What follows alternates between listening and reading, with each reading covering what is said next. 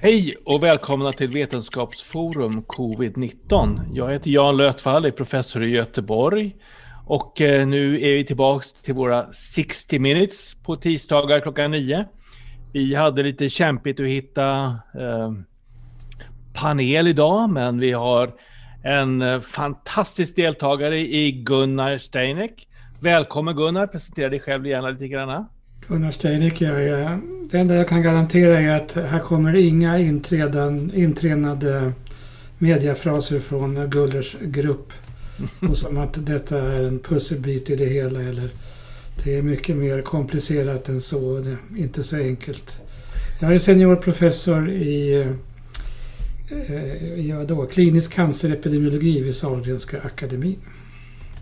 Väldigt trevligt. Idag har vi lite grann av ett tema, men ni är välkomna att ställa i princip vilka frågor som ni vill. Eh, vi, temat som vi funderade på och diskuterade lite grann här, vad är det som har hänt egentligen med vetenskapsvärlden, med the scientific community som man säger på engelska, under det här året. Vi har publicerat 123 000 vetenskapliga arbeten om eh, covid-19 eller liknande saker. Och det är ju en, en, en otrolig mängd vetenskapliga artiklar som är publicerade i, i vetenskapliga tidskrifter där de har genomgått vad vi kallar peer review, det vill säga de har um, bedömts av andra forskare. Det är bara den typen av tidskrifter som syns i den sökmotor som vi jobbar med som heter PubMed. Eh, vad tänker du Gunnar? Ja, först ja, kan vi väl ändå ge grunderna då. Alltså, vi forskare, produkten för det vi håller på med, det är ju kunskap och kunskapen förpackas i en vetenskaplig artikel. Och de här vetenskapliga artiklarna de skickar vi in till en vetenskaplig tidskrift. Och eh, dessa vetenskapliga tidskrifter, många av dem är så kallade open access, finns eh, gratis att läsa på nätet. Eh, går att hitta där. Men vad som hände. Sen har vi då fått under det här året också någonting som vi kallar för preprint. Det är att man har ökat upp hastigheten här med att få ut eh, vetenskaplig eh, information. Och med preprint så menar man att eh, artikeln ännu inte har genomgått en granskning då. För när vi skickar in till vetenskaplig tidskrift då granskas vi och eh, av, av, av, av, andra forskare, det som Jan säger vi kallar för peer, det kallas för peer review.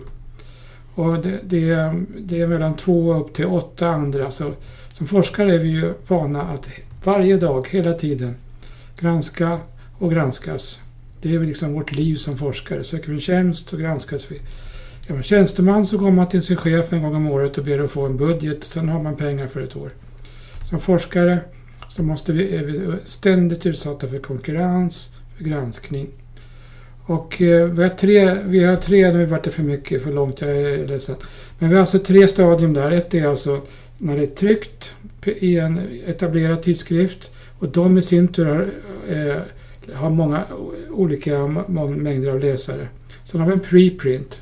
Sen kan man också skriva en, en rapport och en rapport kan man som en myndighet och Folkhälsomyndigheten har lagt ut en massa rapporter på sin, på sin webbplats. Det granskas inte av någon, av någon annan. Det är ingenting som genomgår en sån här granskning. Och eh, tyvärr så, så är kvaliteten på många av de rapporter som jag har läst i Folkhälsomyndigheten skulle inte på något sätt kvalificera sig för en vetenskaplig tidskrift. Man kan inte lära sig någonting av vad de har gjort helt enkelt. Och eh, det, det är en sak. Men det var inte temat Jan. Bara tillbaka till dig för jag pratar för länge. Nej då, du pratar inte alls för länge. Det är bara trevligt.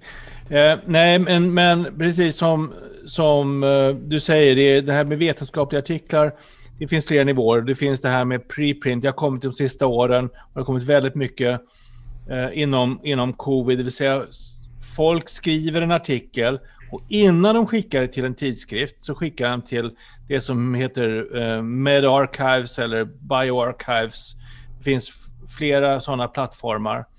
Eh, och de har väl, de sköts av Cold Spring Harbor som är en stiftelse i USA. Eh, rätta mig om jag har fel Gunnar, men, men det finns alltså en, en, en trend att man ska försöka få ut data så fort som möjligt. Och sen ska det peer reviewas alltså, och sen när man skriver sin själva artikel så kan det ha hänt saker och ting. Man kan ha utvecklat den vetenskapliga artikeln ganska mycket. Väldigt mycket av den information vi får, vi får kanske kalla det information och inte, inte vetenskaplig kunskap ännu, i form av, av som du säger, um, preprints. Det, det går ju då in till Medical Archives, det bedöms på 24 till 48 timmar av någon och ser, är det här vetenskap överhuvudtaget eller är det bara en bloggpost eller någon, någon fringe personlighet som, som skriver någonting och då, och då publiceras det. Och sen, och sen så eh, fortsätter man faktiskt att jobba med den artikeln. Jag har gjort det med flera artiklar själv. Där vi har lagt ut dem och sen har vi utvecklat dem och sen har vi publicerat något slutgiltigt. Jag är själv editor för en vetenskaplig tidskrift. Vi tillåter självklart den här typen av utav uh, uh, spridning av information snabbt till den vetenskapliga uh, världen.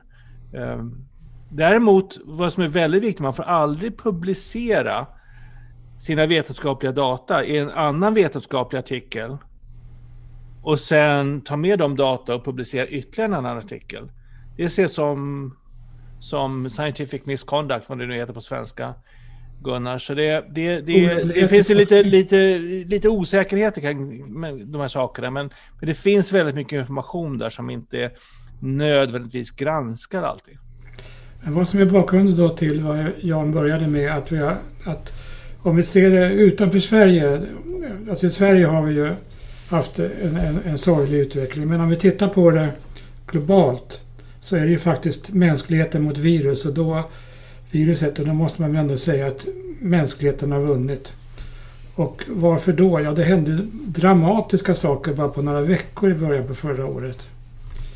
Och eh, det, det, det, första var ju att grupper som tidigare varit konkurrerande direkt började samarbeta eh, och, och ge, ge information till varandra. För att det, det gäller ju att snabbt eh, förstå vad det här är frågan om, snabbt eh, få, fram ett, få fram ett vaccin. Då. Och eh, de, de, de mest auktoritära, eller de ska säga auktoritativa heter det, och de mest viktiga tidskrifterna som New England Journal of Medicine, som The Lancet, som BMJ, de såg snabbt till att eh, alla deras artiklar om covid-19 blev gratis läsning. Alltså även om man inte hade en prenumeration. Så man behövde inte gå via ett bibliotek då. Så vi kan än idag, var och en av oss som kan engelska kan söka exempelvis på nejm.org och eh, hitta alla artiklar i den finaste tidskriften då, New England Journal of Medicine. Där finns också en podd varje torsdag som är en fantastisk sammanfattning av vad som har skett inom området. Och, eh, eh, så det, det, var liksom det första som hände. Alla började samarbeta, informationen blev gratis. Och eh, sen det som slog mig mest då, det var ju att hur vilken hög klass det var på den vetenskap som kom ut från Kina tidigt. Och eh, vi fick ju lära oss från Kina, jag tror redan i januari, att det, att det här smittade är presymptomatisk smitta. Man man, eh, man, man smittar innan man blir sjuk till skillnad från, eh, från eh, tidigare sars och, och mers då, som, man, som bara smittar efter man blir sjuk. Eh, aerosol, aerosolsmittan var ju också väldigt tidigt tydligt. Och eh, alltså vi, vi, vi fick full adekvat information om det här viruset. Det som tyvärr då i Sverige inte har trängt fram till alla myndigheter men, men på en global nivå så, så, visste vi väldigt tidigt att den, det sprids via aerosoler. Att man kanske hälften eh, av de som är smittade och utsöndrar virus är inte sjuka, känner inte det. Och naturligtvis att munskydd hjälper. Och eh, den vetenskapen eh, kom från Kina, publicerades i The Lancet. Jag tror den första artikeln var 27 januari. Och sen kom det en stor räcka artiklar.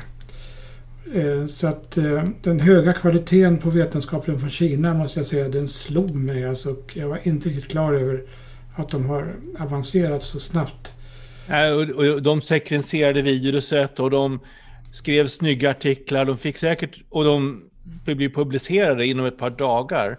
Trots att de genomgick säkert en, en extremt noggrann review process. Men jag misstänker att editors och editors medarbetare satt och jobbade väldigt aktivt med de här artiklarna för att få dem till högsta språkliga kvalitet och bästa engelska och så vidare. Och sekvenseringen som det heter då, som Jan har just sagt, är ju att man kartlägger alla bokstäverna i det här alfabetet som definierar detta RNA-virus.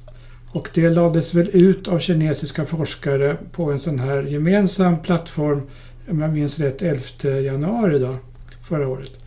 Så att eh, det var inte så att man höll det som någon slags, hade varit inom ett bolag hade man ju hållit det som en affärsmöjlighet och nu ska vi göra ett, nu ska vi göra ett, ett, ett vaccin och ingen annan ska få reda på det.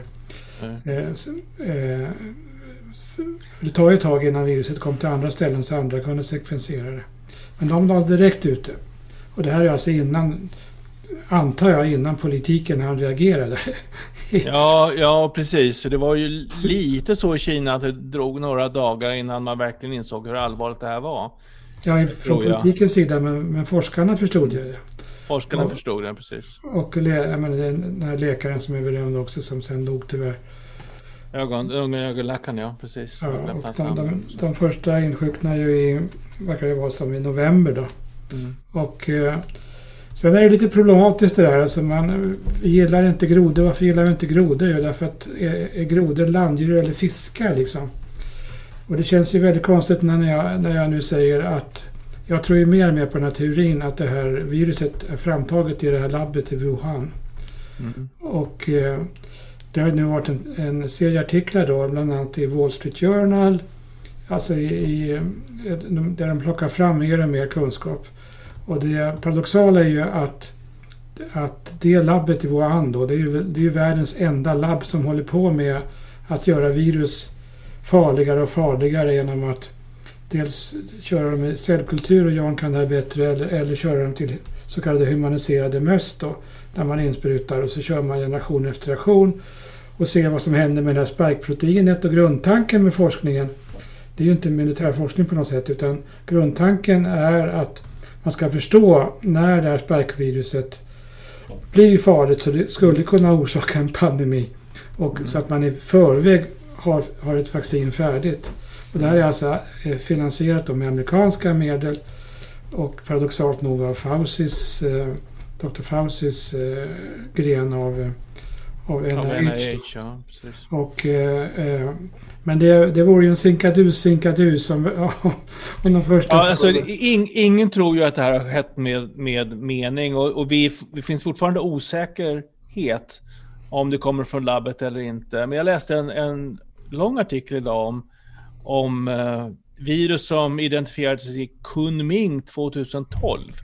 Några som gick in i en, en fladdermusgruva, eh, en gruva där det bodde mycket fladd, fladdermöss, en övergiven gruva.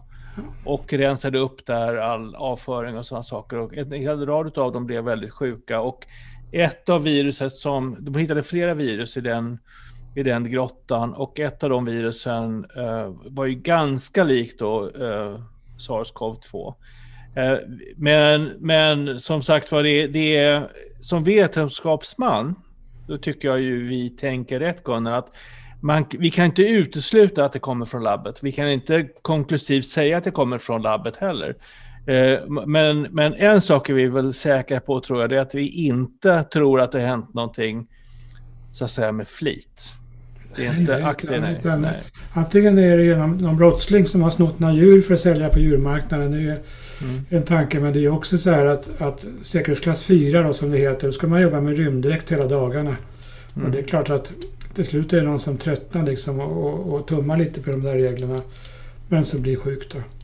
Så att, så att eh, det, det, det, nej, nej, utan att amerikanerna har, har finansierat det här med stora medel. Det är ju för att man har tänkt att man ska, man ska ligga före och ha ett färdigt när, när, när, det, när det kommer naturligt ifrån en grotta med fladdermöss. Det är liksom grundtanken. Men det var en hård debatt om detta 2015 har vi lärt oss här i artiklar. där det fanns kritiker som sa att den där forskningen ska icke bedrivas för den, den är för farlig helt enkelt. Den ska inte finansieras. Så den debatten ligger alltså sex år tillbaka. Det finns ju fortfarande smittkoppsvirus som ligger i någon frys någonstans välgömd. Men det pågår ingen forskning med smittkoppsvirus vad jag vet. Det är väl en av de mest smittsamma virus vi någonsin har haft i mänskligheten. Tre, tre, tre tillfällen enligt, enligt den här artikeln. Jag vet inte om, om jag kan gå och gå för att den är korrekt. Men tre tillfällen har tydligen smittkoppsvirus rymt från labb. Mm. Så det kan ske. Men vad som också händer då, och, och det är det som jag vill komma till det positiva med vad som har hänt i den här vetenskapliga världen. Det var ju förstås att det var flera olika bolag som fick eh, som entusiastiskt tog sig an att utveckla vaccin. Men de var självklart finansierade och de fick ju pengar. Fick ju en miljard eller någon sånt antal pengar, dollar för att eh, för att uh, utveckla de här vaccinen. Och vi har haft två vaccin två företag som har varit ytterst framgångsrika i form av Biontech som nu säljs kallas Pfizers vaccin och Modernas vaccin som ju då är baserad på mRNA-teknologi som faktiskt har lyckats riktigt bra. Eh, får man ju säga. Och det är klart att, att de satsade ju, de allokerade resurser, rejäla resurser för att verkligen få fram det här vaccinet med blixtsnabb eh, hastighet AstraZeneca gjorde detsamma, flera andra har också gjort det. Johnson Johnson. Eh, de har använt olika tekniker och, och det kanske var bra att man använde olika tekniker för man visste ju inte vilket som skulle vara bäst, eller hur Gunnar? Ja, alltså du, är, du forskar själv med att ta fram vacciner. Själv är jag förhoppningsvis en hobbyvirolog. Värd namnet vid det här laget. Ja. Jag är i grunden epidemiolog, kan lite om vetenskap. Alltså. Alltså mitt problem är att jag, jag uh, är så nyfiken så jag följer mina impulser lite, grann, lite, lite för mycket ibland. Så ja, vi har utvecklat en, en vaccinkandidat mot covid-19 i, i mitt labb baserat på den här teknologin som vi håller på med som kallas exosomer. Men uh, andra har varit snabbare och kommit, kommit, kommit längre.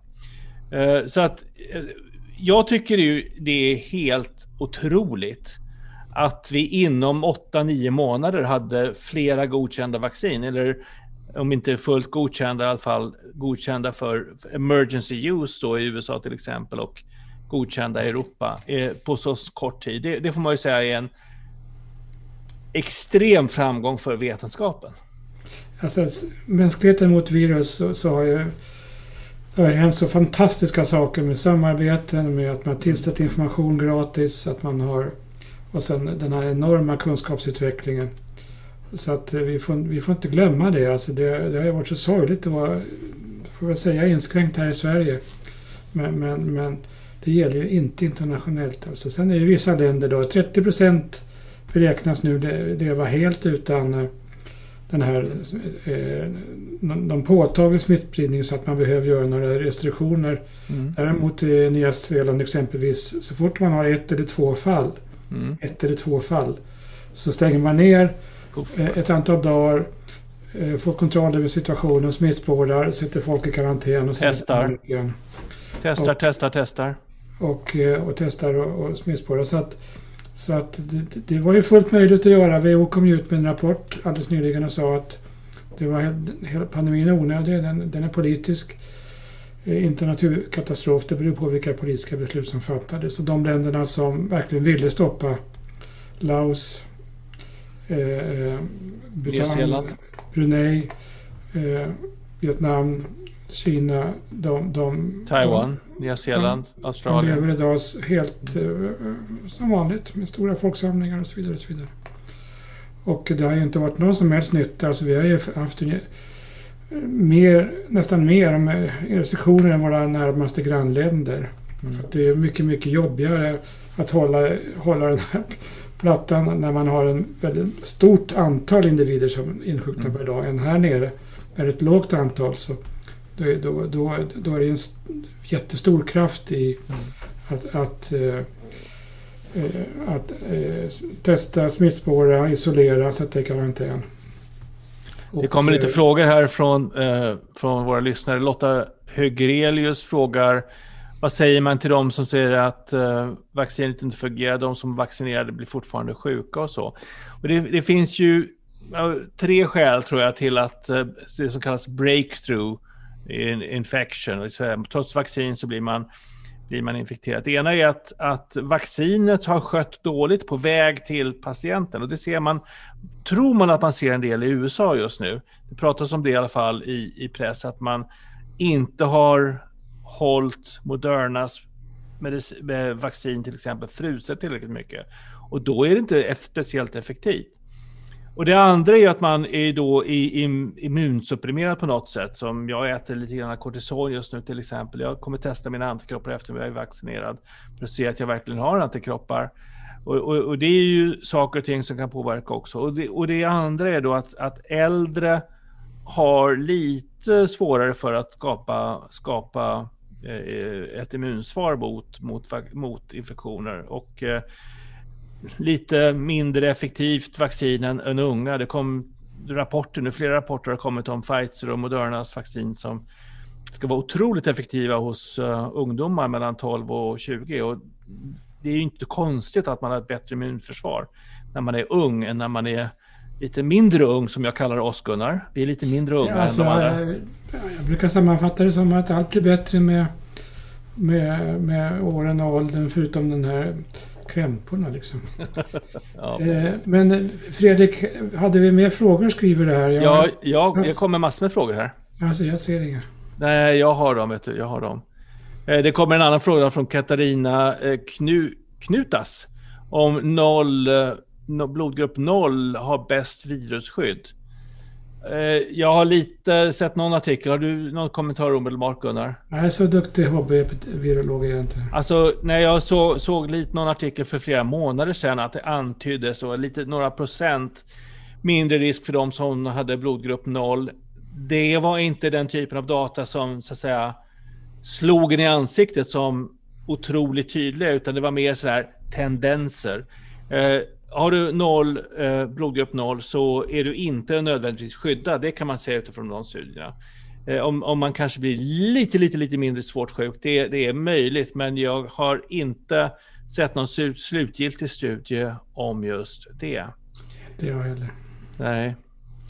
Eh, eh, Anders Tegnell säger då, följa upp det här med, med, med genombrottsinfektioner. Malva Ria Brenn skriver här, vad säger vi om, om uh, att uh, antalet genombrottsinfektioner i Sverige ligger i nivå med vad som är förväntat? Vad säger du Gunnar? Jag skulle tro att det är, det är sådana här, in, intren, alltså det är såna här intränade fraser, vad då förväntat? Mm. Från Gullers grupp alltså. Det, det, det, det är liksom... Det är nonsensinformation. Utan mm. fr frågan, frågan är hur, hur, hur stor är risken att insjukna en andra gång eh, om man har haft eh, någon av de tidiga varianterna. Men det här viruset muterar ju hela tiden. Det, det trodde vi inte i början. Nej, precis. Det var inte många som trodde det i början, säg februari-mars förra året. Men så lärde vi oss ju den hårda vägen att det här viruset Alltså det här viruset som, som Kina bekämpade verkar ju vara mycket min, eller mindre farligt än det som sen kom till eh, Italien med en ny eh, mutation. Ja, mutation, alltså det, mutation är det som händer i själva de, de här bokstäverna. Och sen är det ju äggvitehämnen, proteiner som bygger upp spikeproteinet då. Och så kallar vi den nya, den nya virusvarianten antingen mutant tycker jag är bra, men kallar för en virusvariant. Och sen kan man namnge det då, då som brasilianska eller sydafrikanska. Eller, och de här indiska är många, det är åtminstone tre tydliga mm. eh, mutanter där.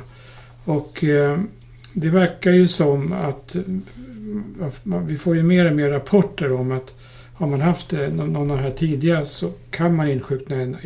någon av de här senare. Då, då. Och eh, som alltså har lärt sig att, att gå förbi det här antikroppsskyddet. Och antikropparna det är ju de missiler som ska, ska slå ihjäl viruset när det kommer in i kroppen. Så att eh, det, det, alltså det, det vi, vi har en viss oro för en fjärde våg. Eh, ja, det har vi. För, för just därför att det det kan finnas nya mutanter som, som, som, som uh, gör de som har tidigare varit sjuka, speciellt tidigt, uh, sjuka igen. De som är vaccinerade, framförallt med Astra-vaccinet, sjuka mm. igen. Och uh, därför, det är därför varför jag förespråkar att vi ska stänga Sverige några veckor så vi kommer ner till en låg nivå.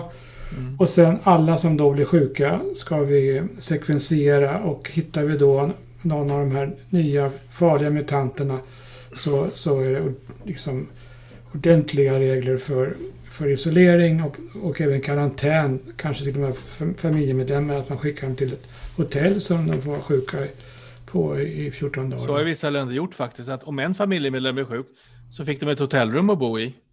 Istället för att uh, bo med familjen och sprida det inom familjen. Får man inte inom familjen. Alltså de här första virusvarianterna var det bara 20-30 procent som, som, som smittar sin familj. Men mm. jag tycker att de rapporterna nu, ja. är, verkar som hela familjen alltid blir sjuk idag. Alltså.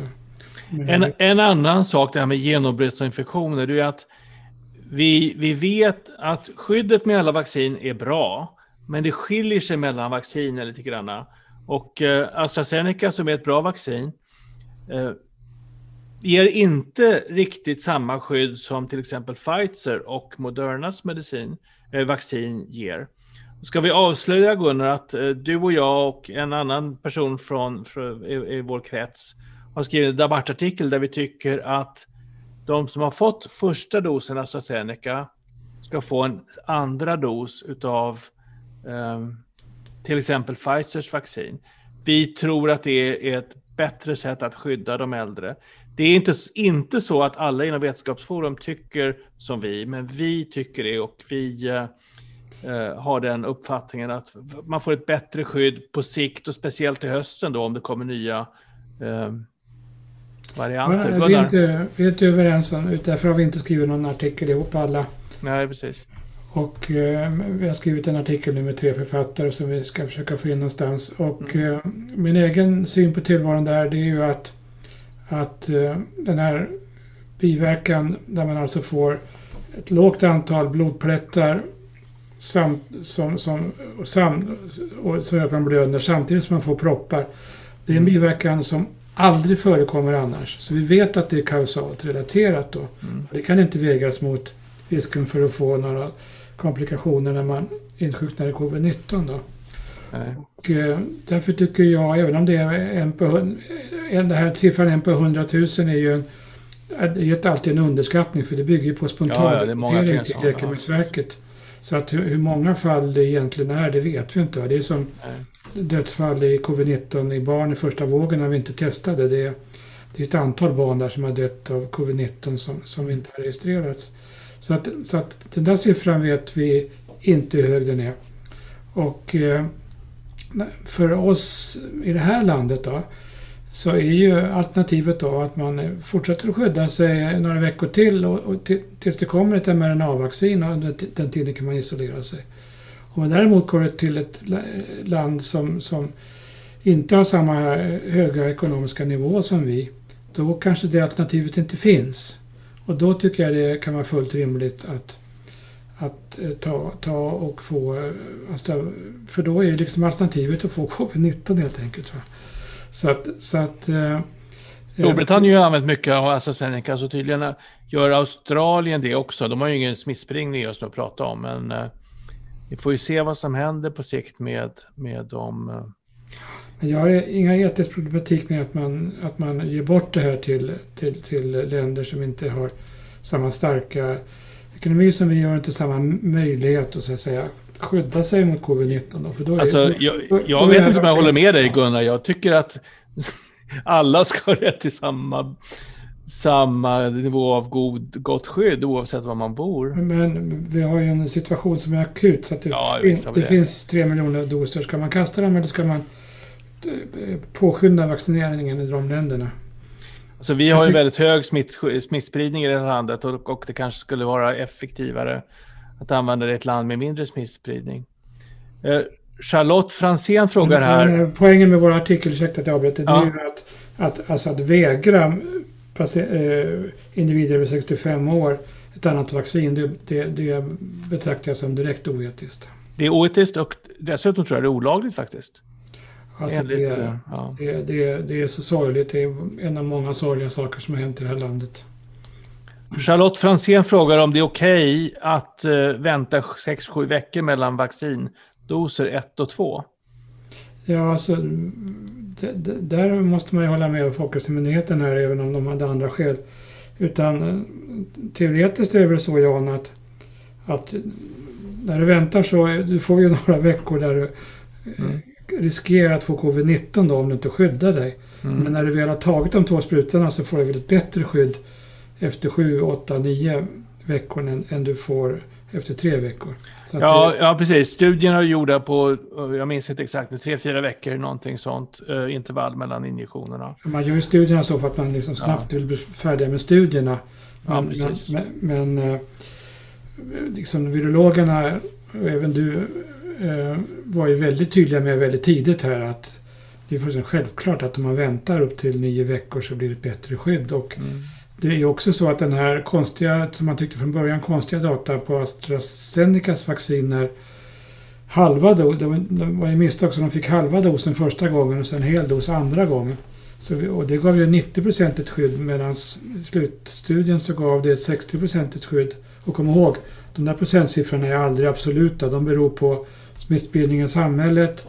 De beror ja. på vilka varianter som just då är ute. Och med smittspridning menar jag hur många viruspartiklar man inandas. Mm. Inandas man många, det vill säga många som är smittade, och speciellt om man inte använder munskydd. Munskyddet gör att man inandas färre viruspartiklar och kan bli mindre sjuk. Men, men eh, det, det, verkar som att de som fick halva dosen de väntade också eh, mycket längre. Och det var därför det var bättre effekt. Det, om jag, det är information jag fått som jag inte har kunnat kolla. Men Mm.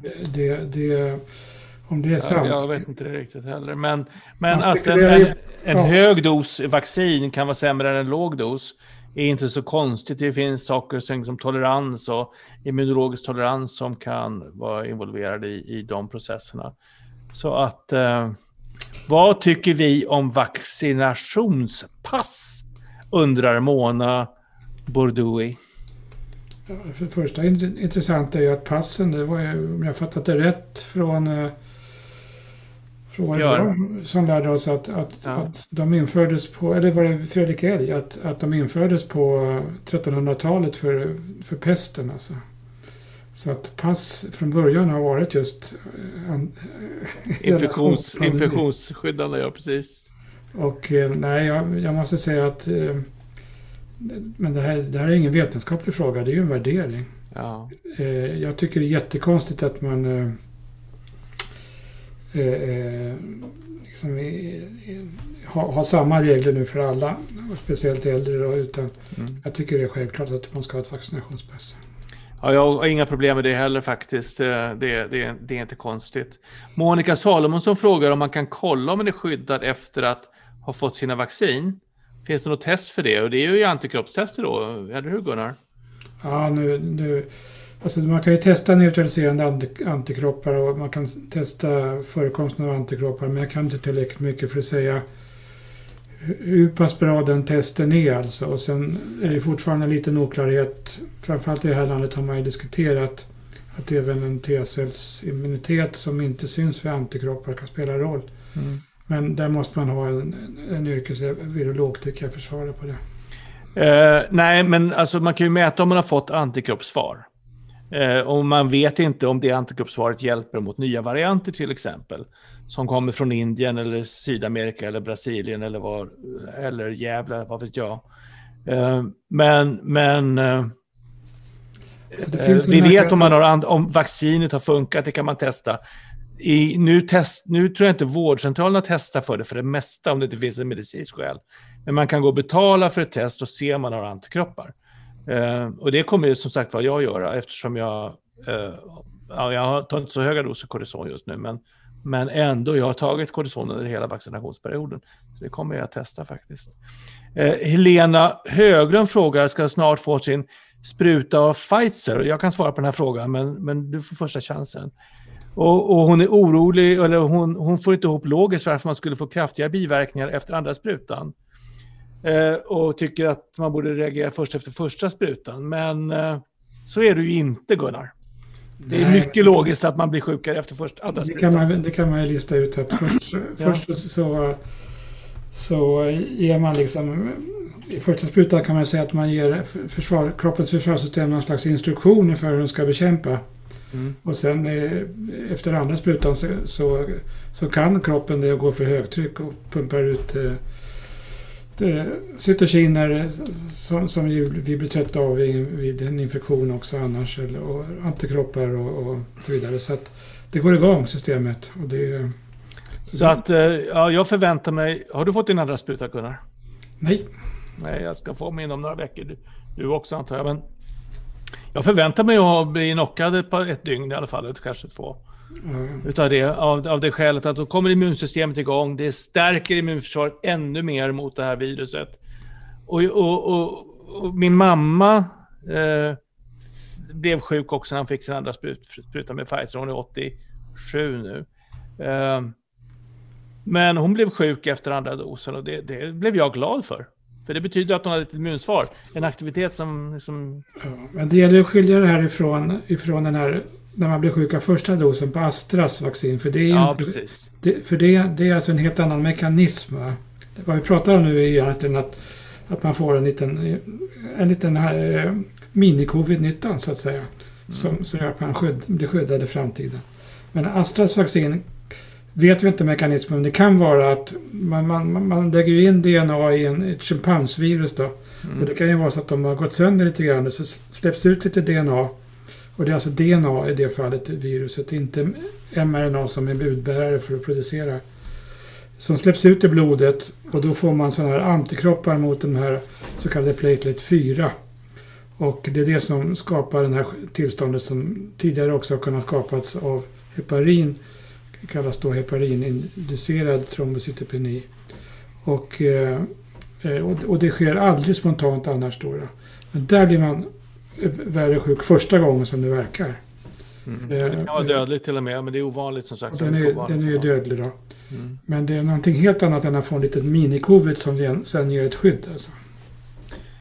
Eh, Sina Söderberg ställer en fråga som jag tror inte det är sant, hennes påstående här, och säger att mörkhyade människor drabbas hårdare av viruset. Eh, jag tror inte det finns någon evidens för det alls. Alltså det är så jättesvårt. Det, det är ju så att i, i, i, Sverige så drabbades ju folk som, som nysvenskar som, som har vissa typer av arbete, måste gå till arbetet, inte kan sitta angenämt isolerade i sitt sommarhus som jag kan göra. Och, Nej, och eh, måste åka tunnelbana och, och ännu använder ju inte alla munskydd i tunnelbanan i det här landet. Eh, eh, eh och, och I Sverige är ju detta ja, med no, i något ökad utsträckning då människor med annan pigmentering. Men det är ju detsamma i USA alltså. Men att skilja upp att skilja upp pigmenteringen då och eventuell ärftlighet kring det, kring de här socioekonomiska förhållandena, det, det, det, går ju knappast att göra i varje fall med... Nej, nej jag, tror, jag tror också mycket mer på trångboddhet och så antal personer per kubikmeter lägenhet och sådär styr mer hur mycket, hur stor risken är för att man smittas. Och vilka jobb man har som du säger. I prostatacancer som jag kan så, så fördes den här debatten länge och där visar det sig att det ändå finns någon ärftlighet hos afroamerikaner. Som, ja, precis. Som, gör att man drabbas i större utsträckning, blir sjukare och död, dör i prostatacancer. Men jag tror vi, vi, så, här, så här innan vi har säker kunskap och jag har inte sett något epidemiologiskt. Och, eh, jag vet Nej. inte. Men, det, det, men än så länge så tror jag att det handlar om socioekonomi, alltså hur man bor och om man jobbar. En, en annan faktor som jag tror är ännu viktigare för svår covid det är ju eh, midjemåttet. Uh, hur, om man är överviktig eller inte, det är ju en väldigt viktig faktor om man blir svårt sjuk eller inte. Det, det, ja, det kom ju fram tidigt under förra året. Mm. Och eh, det, ålder är extremt stark som riskfaktor om man fått sjukdomen för att dö. Men ålder och, och övervikt. Men BMI har också varit det. Mm. Och demensindex. Ja, precis, jag, jag, jag, jag spelade lite golf kan jag berätta för folk. Jag stod på Granby Range och kom till tals med en 80-årig smärt, energisk eh, person som kunde slå till den här golfbollen som ingenting. Men han berättade att när han träffade sin, sin farmor för länge, länge sedan då, så berättade hon att under pandemin eh, 18 till 20, spanska sjukan, så sa hon alla stora dog. Det var liksom de unga och de, de som var lite överviktiga, det var tydligen de som berättade hon. Jag vet inte om det är sant, om det finns epidemiologi på det, men det, det är en sån... det var ju, sån eh, nej, men det var ju, det var ju en influensa. Det fanns ju en Ja, ja, bland de äldre. Så att, så att eh, jag, jag åkte med en taxichaufför i början på pandemin när jag fortfarande gjorde sånt. Och, och han berättade att hennes, hans, vad var det, farmor hade, eller var det farmors mor hade dött i den pandemin. Men hon var, hon var piga alltså. Okej. Ja, Eh, Det var som alla influenser, alltså att det drabbade yngre. ja, det var en helt en annan, annan typ av virus, absolut. Eh, Lina vill veta lite mer om oss som läkare och forskare. Och vad har vi studerat någonstans och vad gjorde vi? Våra utbildningar och så. Undervisar ju på läkarprogrammet just nu. Jag kan ju berätta att, att jag har ju på något sätt redan tidigt under läkarutbildning så trillade jag in på forskningen väldigt mycket och har, har lagt väldigt mycket av mitt, mitt, min livs eh, yrkesliv på, på forskning, även om jag då fortsatt att blivit specialist i för det första i klinisk farmakologi, klinisk med läkemedelslära och sen också i allergisjukdomar. Eh, och varit kliniskt aktiv. Just nu är jag inte kliniskt aktiv eh, faktiskt, utan eh, eh, kan självklart ha forskningspatienter och så. Men, eh, så att jag studerade i, började i Stockholm, flyttade till Göteborg mitt under läkarutbildningen och sen gjorde jag eh, AT i Göteborg och eh, specialistutbildning på Sahlgrenska. Du Gunnar, hur gjorde du? Nej, Alltså jag, jag var ju då... Eh, från början så skulle jag kartlägga och visa att cancer var en politisk sjukdom. Och eh, att det var helt onödigt att, att vi insjuknade i cancer. Och det var ju liksom en 70-talstanke som visade sig vara helt galen när jag väl började forska. det var ju inte så. Utan då, då, då var ju så att... Det var en förutfattad mening egentligen då. Ja, alltså det var hypotesen. Va? Jag kunde, Ja. det, så jag, det var ju då att lungcancer var en, var liksom en yrkescancer då. 90% skulle försvinna med rökningen men en stor andel också skulle försvinna med rena arbetsplatser. Då, Mm. då tänkte jag att samma gäller för är ungefär 50 Så jag skrev en avhandling om det och studerade en massa yrkesfaktorer men det visade sig att att det enda jag hittade var, var, var det, det var alls, alls inte så utan det var bara eh, handlade mycket om vilken mat vi åt. Det var stekt mat och Rökning, min vän. Rökning. alltså rökning visste vi då att hälften, eh, så det behövde inte jag kartlägga. Men det såg jag också i mitt material. Hälften av manliga rökningen skulle försvunnit om ingen rökte då. Så att, eh, men sen eh, samtidigt så jobbade jag då på Radiumhemmet och blev väldigt intresserad av eh, hur det gick sen för patienten. Så de, det jag lärde mig då, metodologi, metodologin, det, förde jag över till, till vad, vad idag så skulle heta långcancer, alltså canceröverlevare. Och där var det, det är en intressant parallellitet med långcovid. Varför på, på, sex, på eh, 80 och 90-talet så var det inga läkare som var intresserade utan då var man fokuserad på patienternas upplevelser och trodde att allt elände de drabbades av det var för att de ältade det här som Ja. Höller skriver om lång-covid. va.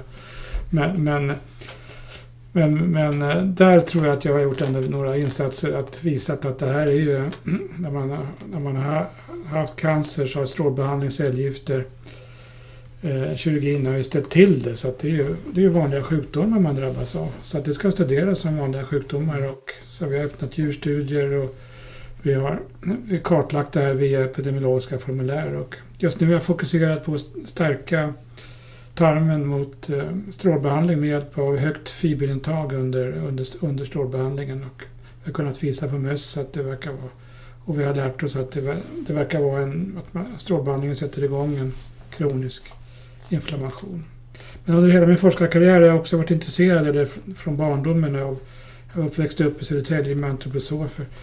vad, vad, vad Och du är uppvuxen i Södertälje med antroposofer? Ja, alltså inte med, men Nej, okej. de påverkar ju... Du såg dem? De påverkar hela tiden debattklimatet. Va? Ja, jag förstår. Och, och ifrågasätter hela tiden. Så, så att vad är sant liksom? Vad vet vi? Vet, finns det någon sanning?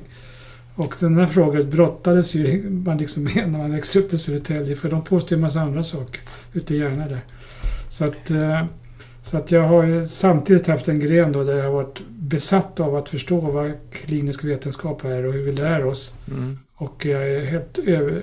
Och, eh, eh, men idag vet jag ju då att det finns en sanning när det gäller, vetens, när det gäller naturvetenskap och biologi. Det finns en verklighet och det finns en bästa möjliga beskrivning av den. Och det är vår uppgift då som epidemiologer och andra att, att, att beskriva den. Och I tio år har jag, så jag startade en klinisk forskarskola och gav de här 30 poängen för att, för att disputera, skriva en doktorsavhandling med metod, 30 poäng. Och eh, därför tycker jag att jag kan avgöra om, om Anders Tegnell är en hobbyepidemiolog värd namnet eller inte. Och, eh, och eh, det var väl lite kraftfullt att till slut Jan och jag och några tillskriver GP att vi tycker inte att han ens en gång är värd att vara en... Epitetet, nej precis. Och, vi, eh, jag är därför att kalla mig stolt hobbyepidemiolog. Ja, man blir lite sur när man har på med det här i 30 år som yrkesepidemiolog att någon kallar en för... Hobbyepidemiolog. Hobbyepidemiolog liksom. Nej, alltså jag, jag, min huvudsakliga forskning är inte epidemiologi, men jag har ju gjort, jag har 40-tal vetenskapliga arbeten inom epidemiologi. Jag har startat eh, en av eh, Europas största studier inom astmaepidemiologi. Så att eh, jag Det tragiska inte. med det här valet som gjordes, alltså när, när Johan Carlsson gick ut och sa till, eh, till eh, Fredrik Elg som då har skrivit utredningar till Socialstyrelsen om hur framtida pandemier ska bekämpas, alltså som verkligen kan mm. det här och yrkesvirolog och varit Agnes Tegnells Anders Tegnells chef på Smittskyddsinstitutet dåvarande. När, när Johan Carlsson som tjänsteman då går ut och säger att när han skriver, vilket han gjorde den 2 mars, att, att den, hans förutsägelse om att Sverige får en pandemi är inte bättre än att en Enoxarus spår i abborrmagar. Det, det, där, där gled ju Sverige isär på något sätt. Alltså, tänk om det hade varit mm. oss alla tillsammans mot viruset, att vi hade kunnat samarbeta. Det är fullständigt absurt det här att man liksom mm. fortsätter och vill ge vetenskapligt korrekt information och så betraktas man liksom som... Ja, och sen kallades det slumpen någon gång i juli. Mitten på juli så stod det i Svenska Dagbladet att tyckte Johan Karlsson att det var en slump. Alltså dels blir man ju sur över att de liksom har, har, har varit, sett nedsättande beteckningar på oss som kan forska och, och har det som yrke. Och att de inte tar till sig vad Kungliga Vetenskapsakademin och andra skriver mm. om aerosoler och, och munskydd och sånt. Men, men, men det är också det är väldigt sorgligt alltså. Eh, vi ska gå vidare med lite frågor. Eh, innan vi går vidare så vill jag tacka alla ni som lyssnar och att ni är med. Det är jättetrevligt att uh, ha den här dialogen med er. Har ni möjlighet, har ni möjlighet att bidra med lite grann för vår, våra sändningar så uh, swisha gärna en, en slant. Uh, här numret finns längst ner i bild om ni har möjlighet som sagt. Och tack så jättemycket för allt ni kan bidra med. Uh, Eva Johansson frågar om man kan testa sitt, sina egna antikroppar med apotekets självtest. Eh, jag vet inte vad apotekets självtest är för test om jag ska vara ärlig, men jag misstänker att det går att testa det. Kan, inget, kan inte. Okay. Nej, men uh, uh, det borde fungera. Else-Marie Lejon tackar för att vi tog upp den, eh, den här behandlingen oss 65 plus vad det gäller AstraZenecas vaccin. Som sagt var, vi har lite delade meningar inom Vetenskapsforum, men jag och Gunnar står bakom att eh, eh alla eh, ska få eh, något annat vaccin i nuläget, speciellt som vi ser varianter dyker upp och det verkar som om mRNA-vaccinen har ett bättre skydd, skapar ett bättre skydd mot varianterna. Du pratar om indiska, brasilianska, sydafrikanska. Ja, det finns ju dubbelmutationer och jag blir bara förvirrad när jag tänker på det. Men, eh, men eh, vacciner har fortfarande skydd mot de här. Eh, och vi ser ju nu ett, ett rejält fall i spridning, till exempel i USA. Och de har ju varit otroligt duktiga på att vaccinera. Men ett av de bästa länderna vad det gäller vaccination så är det Israel som ju hade ett avtal med Pfizer, Biontech och testade hur effektivt vaccinet skulle vara i en population och har fått ner smittan till mycket, mycket låga siffror. Uh, så att vi har ju fortfarande hopp om att vaccinet kommer fungera, eller hur Gunnar?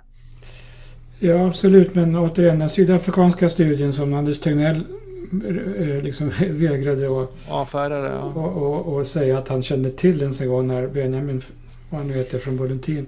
Mm. Eh, men alltså det var ju en studie där, där Astra vaccin, Astras vaccin inte alls hjälpte mot den sydafrikanska varianten. Det var en randomiserad välgjord studie mm. och de slutade med det vaccinet. 10 skydd, ja precis. Det där, det där oroar.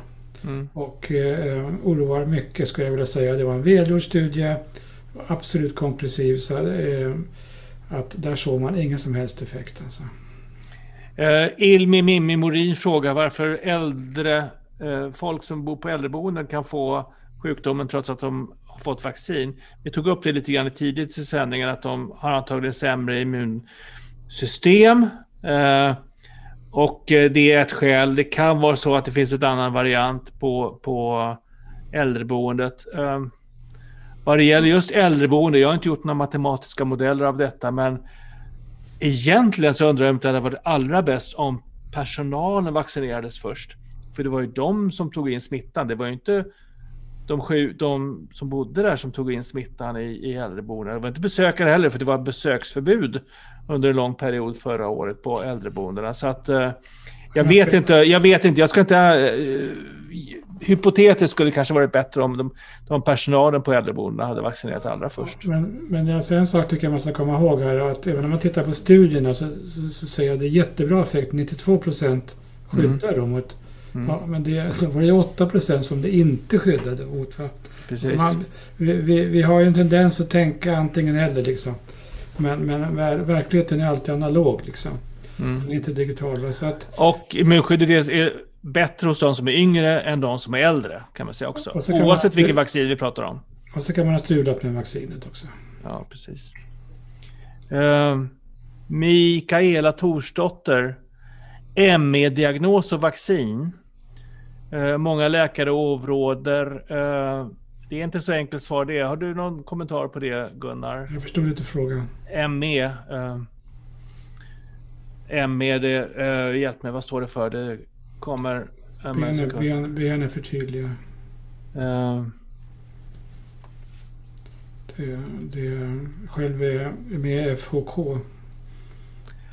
Uh, med, myalgisk uh, encefalomyelit står det för. Myalgi och muskelsmärta och sådana saker. Det, det, var det som uh, inte togs så väl emot av sjukvården för en uh, 20-30 år sedan när vi började plucidera. Det fanns inte som diagnos då.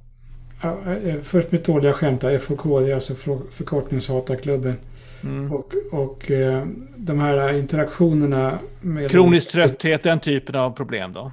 Ja, alltså det... Jag tror inte vi... Det är väldigt... Alltså det här är svårstuderade problem och ännu svårare när man ska studera i, i interaktion med ny virussjukdom. Så att jag, jag passar på det. Ja, jag tror det är klokast faktiskt om vi passar på den frågan. Det är, en, det är en viktig fråga och det är en komplicerad fråga och vi har full respekt för de som lider den här sjukdomen. Um, var redo, blir det en fjärde våg så, så tänk efter två gånger. Uh, vad tycker du om smittskyddsläkarnas uh, Alltså beteende väldigt... under, under pandemin. En del, en del smittskyddsläkare har varit okej, okay, en del smittskyddsläkare har varit katastrofala. Men Gunnar? Alltså det är återigen värdering av, mm. av vad andra människor eh, har skött sitt jobb. Mm. Vad, det är ingen vetenskapsfråga. Men vad man kan säga är ju att det är så att varje smittskyddsläkare är sin egen myndighet och det är inte så att de på något sätt behövde rådfråga någon på någon eh, myndighet utan de, de kunde läst litteraturen, de kunde läst den internationella litteraturen, de kunde ha agerat efter det. Precis. Lite mer eh, motstånd mot, eh, mot Folkhälsomyndighetens eh, resonemang hade suttit positivt kan vi säga. Det, det, det, det, det är så sorgligt när man kommer in på den myndigheten så att jag passar om det. Eh, Elsprit Söderström frågar varför man blir sjukare när man är överviktig. Det är ju många sjukdomar som gör att man blir svårare sjuk när man är överviktig. Varför det är så just vid covid vet jag inte, men till exempel vid astma så vet vi att det är riskfaktor för svår sjukdom. Uh, har du någon kommentar Gunnar kring, kring det? Nej, men det liksom försvåras inte andningen av, av eh, det, det, det är ditt område. Jag kan, jag kan inte tillräckligt för... för ja, det finns ju många faktorer. Det, det, finns ju det som kallas reflux, det vill säga att man får upp magsyra från magen upp i luftstrupen och det kan försämra lungfunktionen.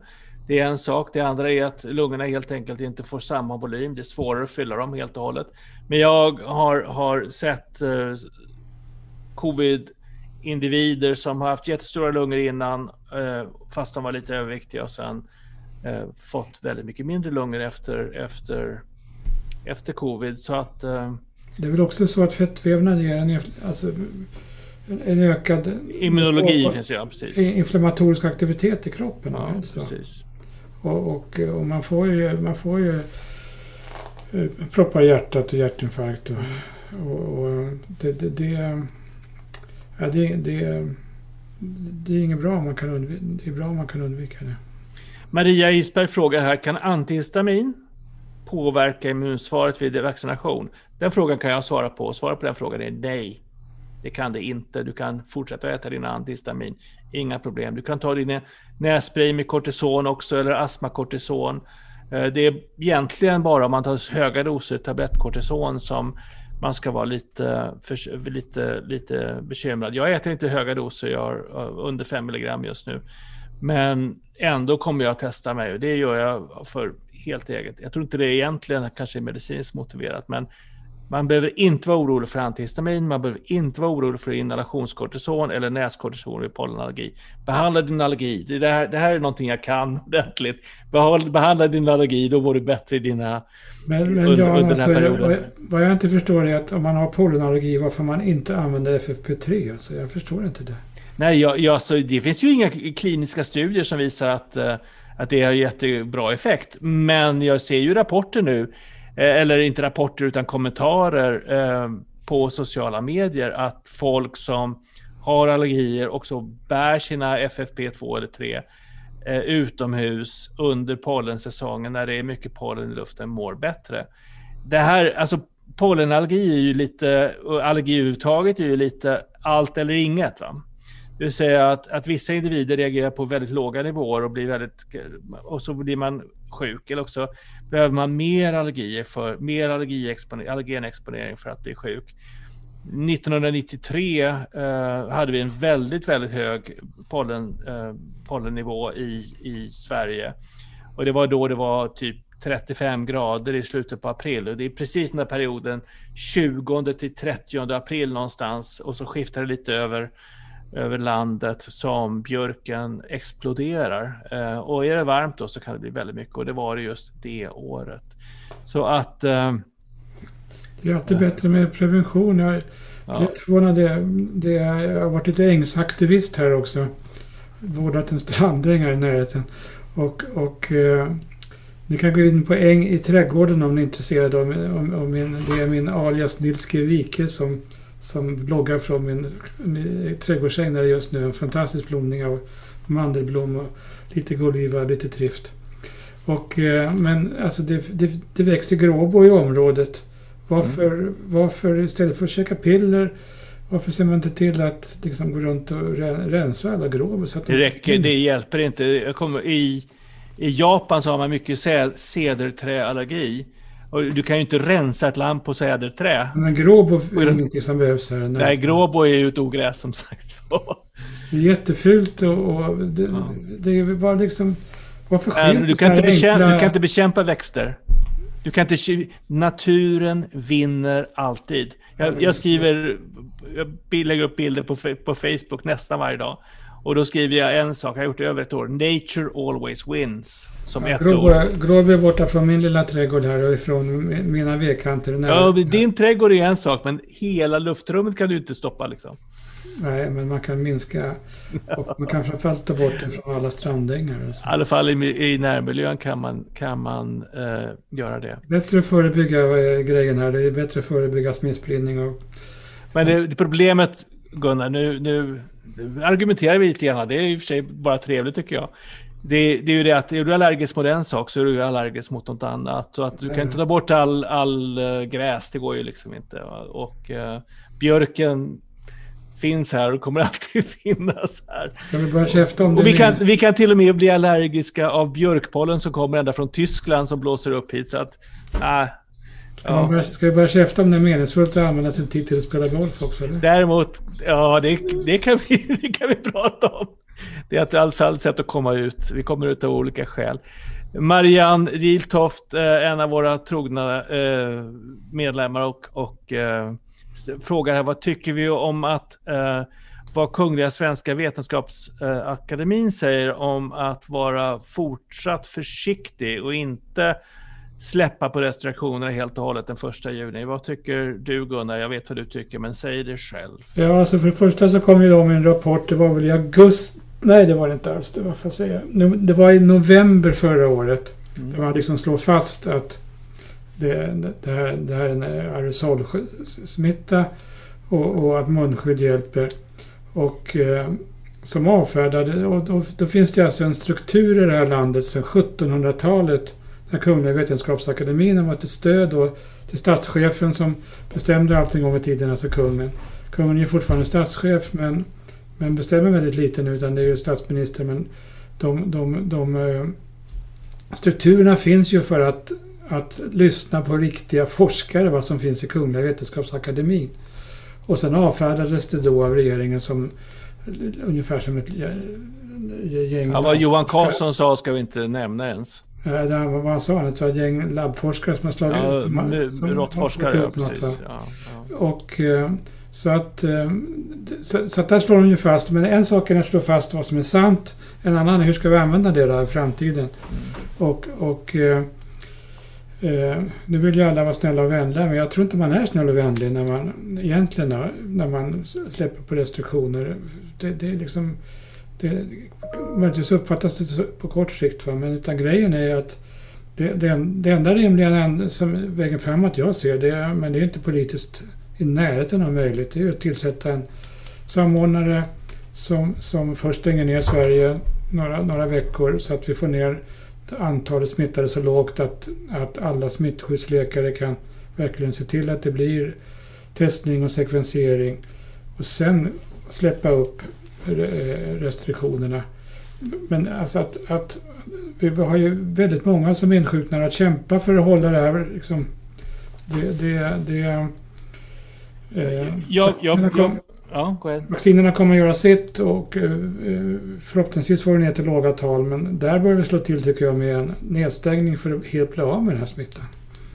Så kallas zero covid. Och det är någonting som komma ihåg, om komma ihåg att i, i Israel så var ju skolorna stängda när de fick ner det här samtidigt som de vaccinerade. Försiktighetsprincipen är någonting som jag tycker vi ska applicera under hösten 2021. Vi ska, vi ska vara oroliga för att vi får en fjärde våg. Vi ska vara försiktiga för att undvika den.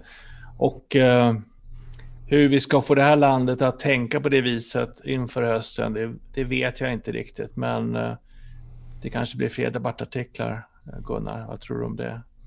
Ja, och sen framförallt tänka på barnen. Alltså barnen har ju drabbats väldigt hårt av den här pandemin.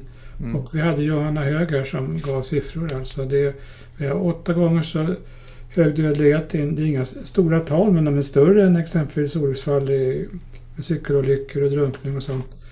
Eh, eh, barn som har avlidit. Vi har 200, siffrorna är 225 till 240 som har drabbats av det här inflammatoriska syndromet eh, MISC som kräver intensivvård och, och tar lång tid att komma, komma igen från. Och det är också mycket, mycket vanligare än våra än i våra eh, där. Lång-covid är svårare att beräkna eftersom vi inte riktigt vet hur många barn som har insjuknat. Det är 124 000 om man minns rätt som, som är konfirmerade. Men om vi ska gå från, från Folkhälsomyndigheternas siffror att 23 procent, 24 procent har antikroppar så är det uppe i 630 000 barn som har varit sjuka. Men jag tror att de har överdrivit där för att det verkar ju som att när Folkhälsomyndigheten testar så, så kommer de som är sjuka eller har varit sjuka och att det, att det är en falsk för hög siffra. Då. Ja, precis. Det, det är selection bias som vi kallas. Eller det är selekterat material som inte nödvändigtvis Och sen varierar siffrorna i, i, i, litteraturen mellan 13 och 17 procent säger brittiska siffror. En italiensk studie säger 40 procent. Men mm. det är tiotusentals barn som har drabbats av lång-covid. Definierat som längre än fem veckors eh, sjuka och många, ett antal har varit sjuka upp till ett år. Va? Så alltså barnen drabbas hårt och vi har övergivit de allra äldsta, de har dött och vi har övergivet i viss mån får vi säga barnen. Det finns en, det finns en tveksamhet nu att vaccinera dem. Och eh, eh, vi måste göra skolorna till ett mycket, mycket bättre ställe att vistas på. Alltså med naturligtvis obligatoriska munskydd och med ordentlig ventilation, med kanske HEPA-filter, med, med öppna fönster, undervisning utomhus. Eh, testning av lärarna tre, tre gånger i veckan som man gör. Min dotter jobbar i Köpenhamn som läkare. Hon, hon är vaccinerad två gånger med Pfizers. Men måste fortsatt testas tre gånger i veckan så att hon är negativ. Och förra veckan så hade hon en vaccinerad kollega som testades positivt och som direkt då togs ur. Man kan bära viruset även om man är vaccinerad. Det ska alla veta där som, som är ute där. och det är ju inget vaccin som skyddar helt och hållet mot mot att man bär smittan. Försiktighetsprincipen är att vi gör skolorna säkra även om vi nu får ner smittalen lågt. Och eh, vi ska hoppas på det bästa att det inte blir en fjärde våg av mutanter men jag tycker vi ska göra mycket för att se till att det inte blir så. Jag håller med dig och vi hoppas att det kommer nya vaccinvarianter som hjälper oss att skydda oss mot eventuellt nya varianter. Jag hoppas att vaccinen visar sig vara säkra och effektiva även hos barn och att vi verkligen få bort den här smittan genom att vaccinera även barnen på sikt. Nu är det godkänt i flera länder eller på väg att godkännas för 12 år och uppåt. Det kommer snart information om de som är yngre också. Jag, jag tycker vi gör så här att vi, vi har passerat 60 minutes, 60 minutes som vi säger och eh, vi ska tacka alla ni som har tittat. Har ni möjlighet så ge gärna en slant. Swishen finns. Eh, Swishnumret finns längst ner. Alltså ingen av vi forskare på något sätt har betalt för det här utan det, är, det är Nej, för vår, våra, vår teknikhjälp som vi behöver medel. Ja, och det, det, ni som är medlemmar vet det är uh, utan det stödet som hade vi inte klarat att ha de här sändningarna. Uh, videosarna kommer upp på YouTube och på Facebook och på vår hemsida finns de ju också förstås just nu i alla fall. Och eh, vi tackar jättemycket för allt stöd som ni har möjlighet och kan ge och för att ni har lyssnat idag för att ni har bidragit till den här diskussionen. Vi ses snart igen. På torsdag hoppas jag att det blir en sändning igen och att vi har besked lite tidigare på vilka som kommer. Jag tror till och med vi kanske har det. Kolla på sociala medier, ni kommer få information när som helst om torsdagens sändning. Ses snart. Tack och hej. Tack för ert intresse.